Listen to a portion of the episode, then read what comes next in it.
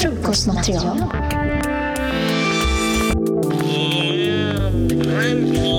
Då har vi ett nytt avsnitt av Frukostmaterial. Yes.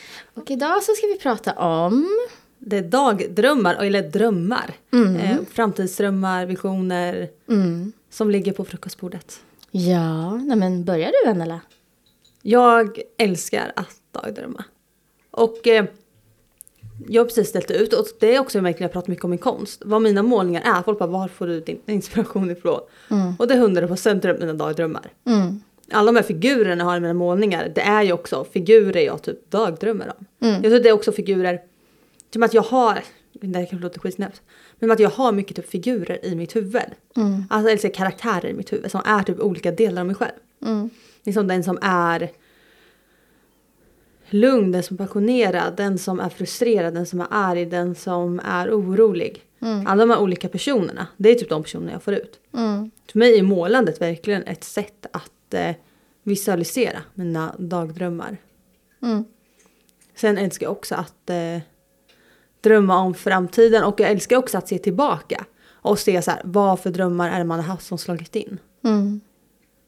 Och mycket slår ju faktiskt in. Mm. Tycker jag, eller för mig. Eh, inte alltid på sättet som man tänkt och inte alltid kanske så lätt eller smärtfritt som man tänkt. Mm. Men man kan ofta se i alla fall ingredienser av det. Mm.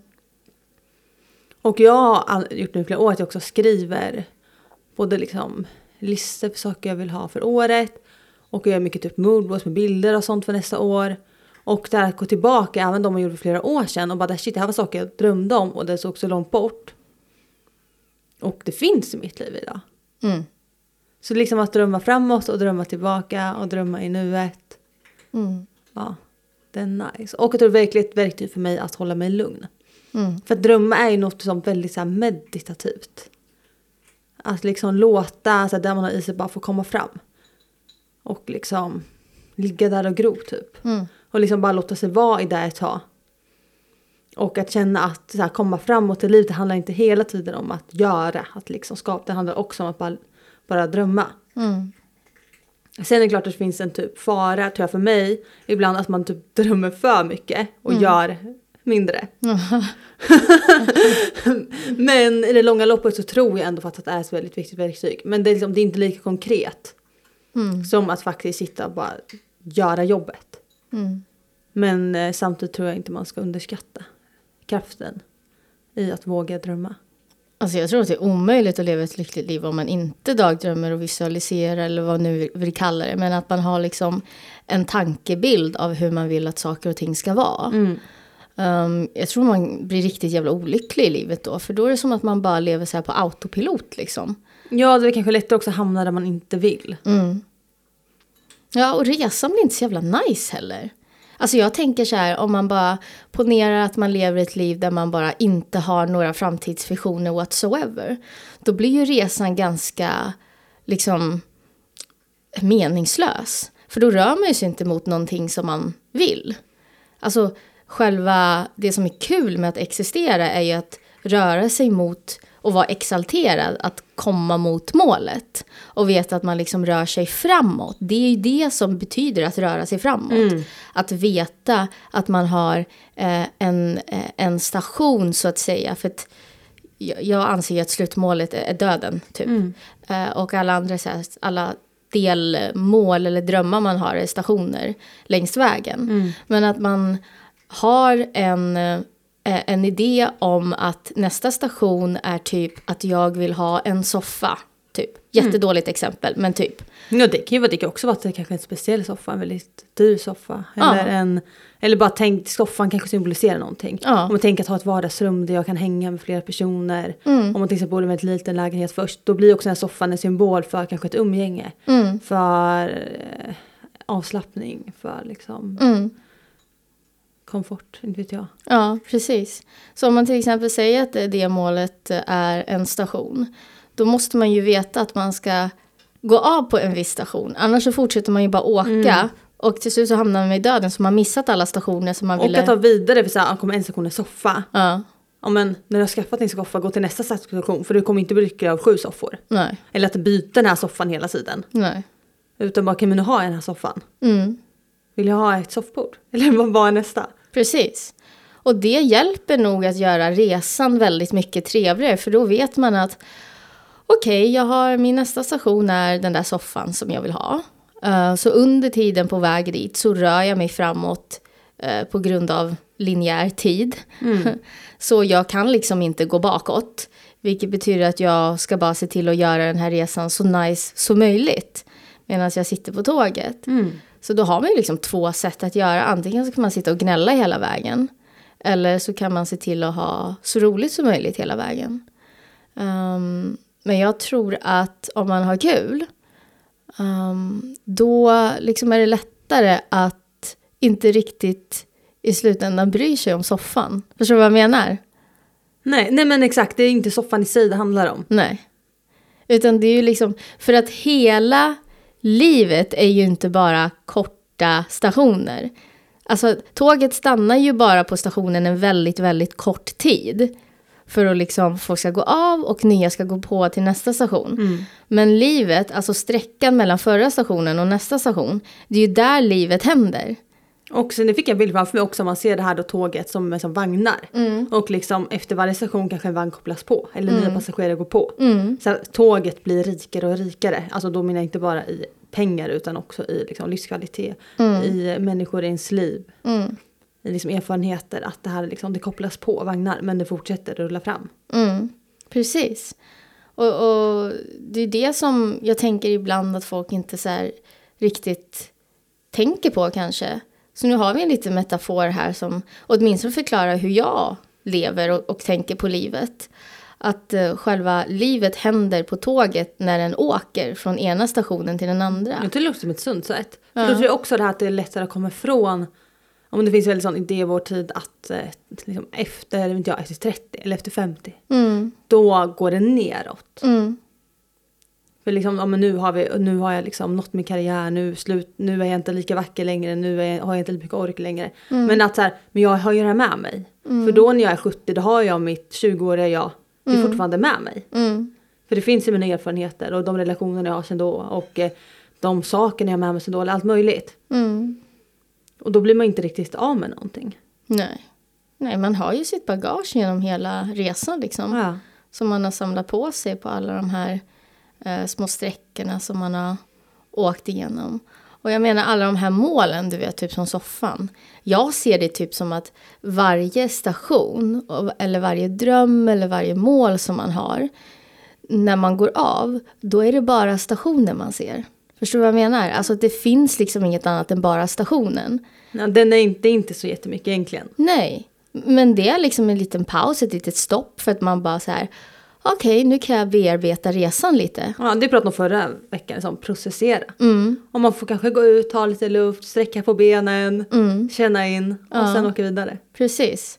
Hoppa på tåget igen och sen åka vidare till nästa eh, destination. Men man måste liksom veta vart vill man åka? Vilk, vilket är nästa station man vill till? Mm. Och där tror jag jag tänker att det finns liksom en balans i att känna vart jag vill åka. Men samtidigt också vara öppen för att jag kommer kunna välja nya saker. Mm, Och eh, på en station kanske hoppa på nya människor som får mig att tänka något nytt. mm, Och vilja någon annanstans. mm, Och inte känna att man överger sina drömmar för att de förändras. mm, Utan bara okej, men jag tänkte åka till Haparanda. Men nu blev det Karlstad. mm. Men det vart kanske bättre. Mm. Alltså du vet de här, um, inte kriminalserierna, men du vet de här filmerna om att det finns ett mord på ett tåg. Ja. Typ lite så Ja. tänker jag att livet är. Alltså det, det är så här, Ja, det där det liksom stora mysteriet är. ja, alltså det är på, i, på själva resan på tåget som det roliga sker. Och sen när man kommer fram till stationen, det är så här en paus. Mm. En reflektion över att men nu kommer jag fram till målet, nu får jag se det som jag ville se. Ja. Um, men det är ingenting annat än själva stationen. Och stationen för mig symboliserar ju allt som har hänt under resan dit. ja, men verkligen. Och det är ofta större än där man tänkte. Ja, precis. Så, att, så det jag försöker säga tror jag är att förut så trodde jag så mycket att om jag bara hade slutmålet, om jag bara nådde fram till stationen, då hade jag lyckats. Mm. Men då hade jag ju missat hela resan. Ja men det är så resan är målet, det är så klyschigt men det är så sant. Det är sant. För det enda jag gjorde var att jag satt still i tåget och typ bara tittade ut genom fönstret och bara, när kommer jag fram? När kommer jag fram? Medan allting hände runt mig i tåget och massa andra så levde och löste mysterium eller whatever och gjorde deras grej liksom. Och sen när jag kom fram så bara, nu är jag framme. Och så är det bara stationen. Så jag har missat hela Jag resan. åker att njuta av processen för jag tror också mycket när jag var yngre det är väl också en klassiker med att man ville alltid kunna allting innan man var där. Mm, Så till exempel, vi kommer ihåg när jag spelade piano när jag var yngre. mm, Och eh, då var det som att, då såg man andra som kanske hade börjat samtidigt med, som, med mig som jag än var bättre än mig. Och då ville jag liksom inte uppträda innan jag var lika bra som dem. Mm, Och då, var det, då hindrade det en från att verkligen utvecklas, för att verkligen utmana sig. mm, För att man ville inte visa sina misstag. mm, Och då blir det istället att man sitter stilla och vågar inte ens öppna pianobänken, det, pianolocket. mm, För att man vill vara där man inte är. Men ser man resa målet då är det ju nice, bara okej, jag är här nu. Men liksom njut av resan att bli bättre. mm. Och där kände jag också att, så här, att bara se målet och inte resan, det kan verkligen begränsa en. Mm. Att nå sina mål. För att man blir för rädd för att misslyckas och visa liksom, vart man är nu. Mm. Ja, gud, jag har varit... Jag, alltså, när jag var liten jag var så, så rädd för allt. Allt var jag rädd för. Jag var rädd för mig själv, jag var rädd för andra. Jag var rädd för att misslyckas. Men jag har alltid haft i grunden att jag har varit väldigt rädd för att andra ska må dåligt av någonting som jag har gjort. Alltså jag hade ju till och med, jag tror jag har berättat det för dig, att jag var ju rädd för att göra ljud med mina fötter som andra skulle höra när man gick ute på gatan. Ja. Så om jag gick förbi någon och jag tyckte att mina skor lät för mycket, då typ stod jag still istället och väntade på att Måla de... gumman. Ja, så stod jag still istället och väntade på att de skulle gå förbi så jag inte skulle störa dem. Eh, och, det är Och det är också ironiskt för du är så liten. Alltså dina fötter måste låta mycket mindre än alla andras. ja, precis. Men det är så här hjärnspöken, Ja. du vet. Och det är verkligen tankar som fuckar. Man fuckar verkligen upp för sig själv. Mm. Jättemycket. Och det är någonting som jag tror att många inte ens växer ifrån. Nej, för det kan ju sitta så djupt och det kan också vara så outforskat, så omedvetet. Mm. Och det är där drömmande i sig är ett så bra verktyg. Det gör en ofta väldigt medveten. Mm. Som jag pratade om under min sjukskrivningstid, att bara ligga där och bara låta saker komma till en. Mm. Det som man annars håller undan. Att så här, låta det liksom bara Mm. plocka fram och bara se vad det har att säga till en. Mm. Ska du göra samma grej med andra operationen? Ja men jag tänker det. Ja. Och då ännu, alltså faktiskt. Kanske ännu mer levla upp och göra det ännu mer till en typ retreat. För nu gjorde jag ju så typ vecka två. Mm. Att jag satte bort in, internet på telefonen och verkligen bara försökte så här. Använda någon form av retreat. Jag tror jag ska göra det ännu mer lite hardcore. Mm. Nästa gång. För nu vet jag att okej men smärtan klarar jag av. Så det är liksom, det måste jag inte oroa mig över typ. Vadå, skogen eller? Ja men kanske, vi får se vad som finns då. kanske borde någon där ska hjälpa mig lite också. Ja. Ja, gud, Någon vill följa med mig ut i skogen. Ja, det skulle jag vilja göra. Alltså hon den här tjejen som jag har börjat dejta nu. Ja. Hon är ju skogsmulle. Ja. Uh, vilket är ganska häftigt för när man ser henne så tänker man inte alls att hon är skogsmulle. Men hon är ashäftig. Hon har så bott i Sydafrika jättelänge och så här älskar att vara ute i skogen och shit. Men jag tycker det är så kul med sådana människor som är liksom oförutsägbara. Alltså yt, det yttre säger inte allting. Nej. Man ser inte ut som en typisk friluftsmänniska eller en typisk estet eller vad som helst. Men så har, liksom, det finns lager av det här otippade inom folk. Jag tycker det är jättekul. Mm. Jag tycker också det är nice för för mig så signalerar det att man är öppen för liksom olikheter. Mm. Och att man är fri i sig själv. Mm. Att det inte är nu ser jag ut så här, jag måste vara på det här sättet, jag måste vara på de här restaurangerna, umgås med de här människorna. Utan man har liksom ett öppet sinne. Och typ trygg i sig själv så. Att så här, men jag är den jag är även om jag är i skogen eller om jag är på Stureplan. Mm. Och det är så jävla viktigt tycker jag. Jag tycker också, och det är väl också där ytterst att man blir mer friare för att nå upp sina mål. Mm. Att man inte liksom begränsar sig att nej men jag kan inte röra mig här, jag kan inte göra så här. Utan ser man sig som en person liksom med flera olika lager. Mm.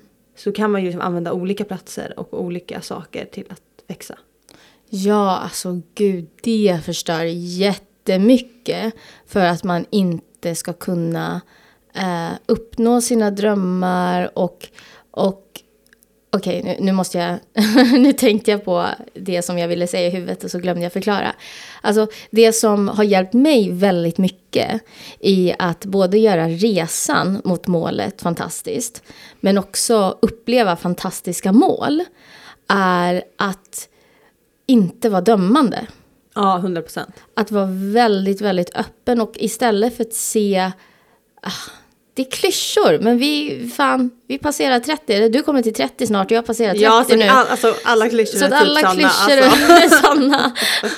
Men att inte döma och att faktiskt bara se möjligheter i saker.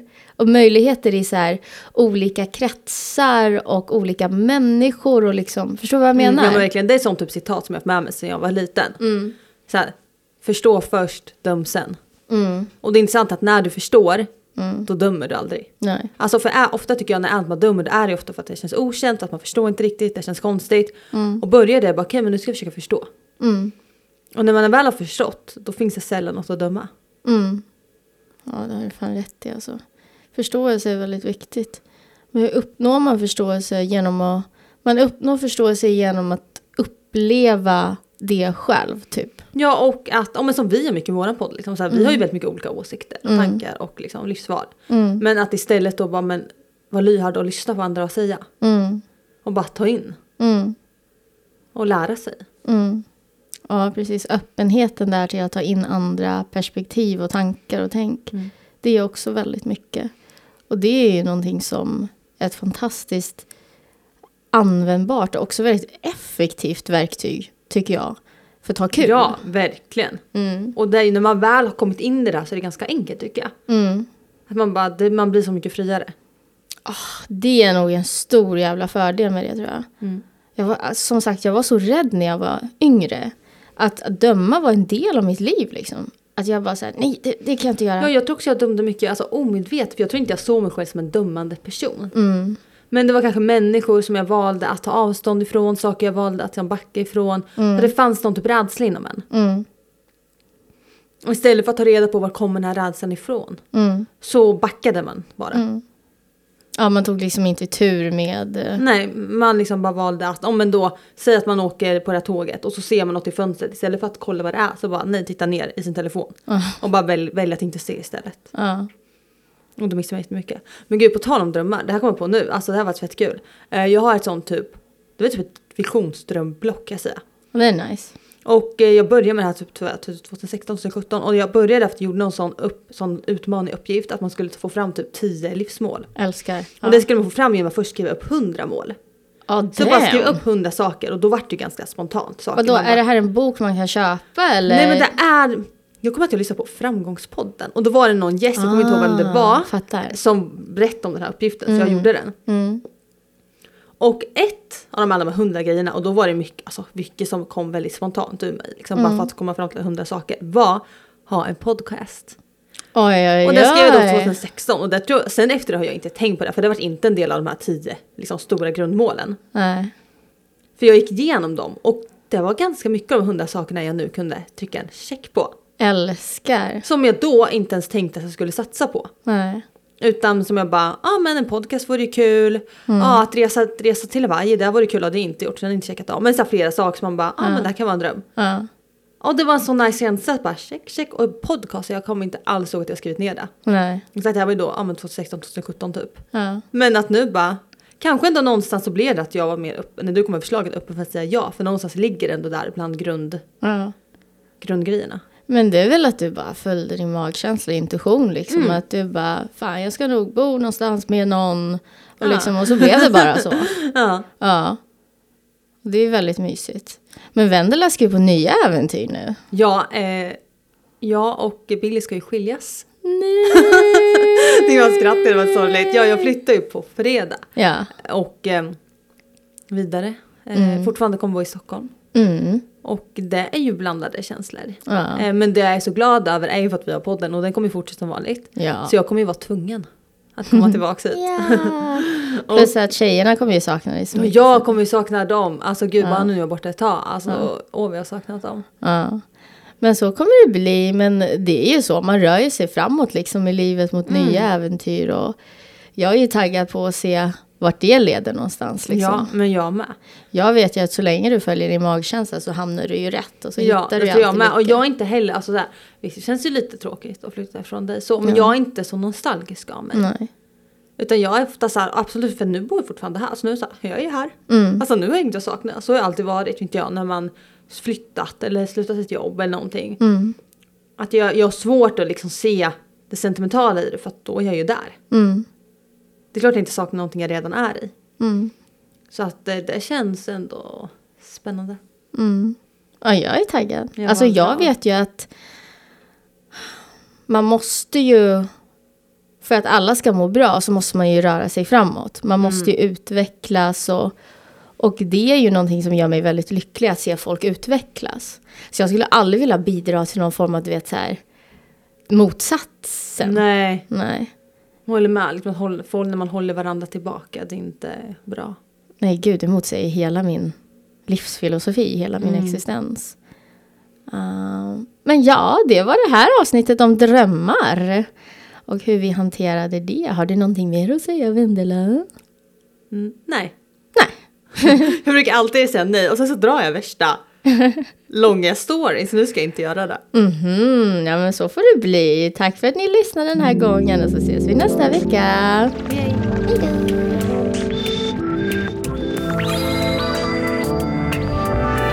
Frukostmaterial.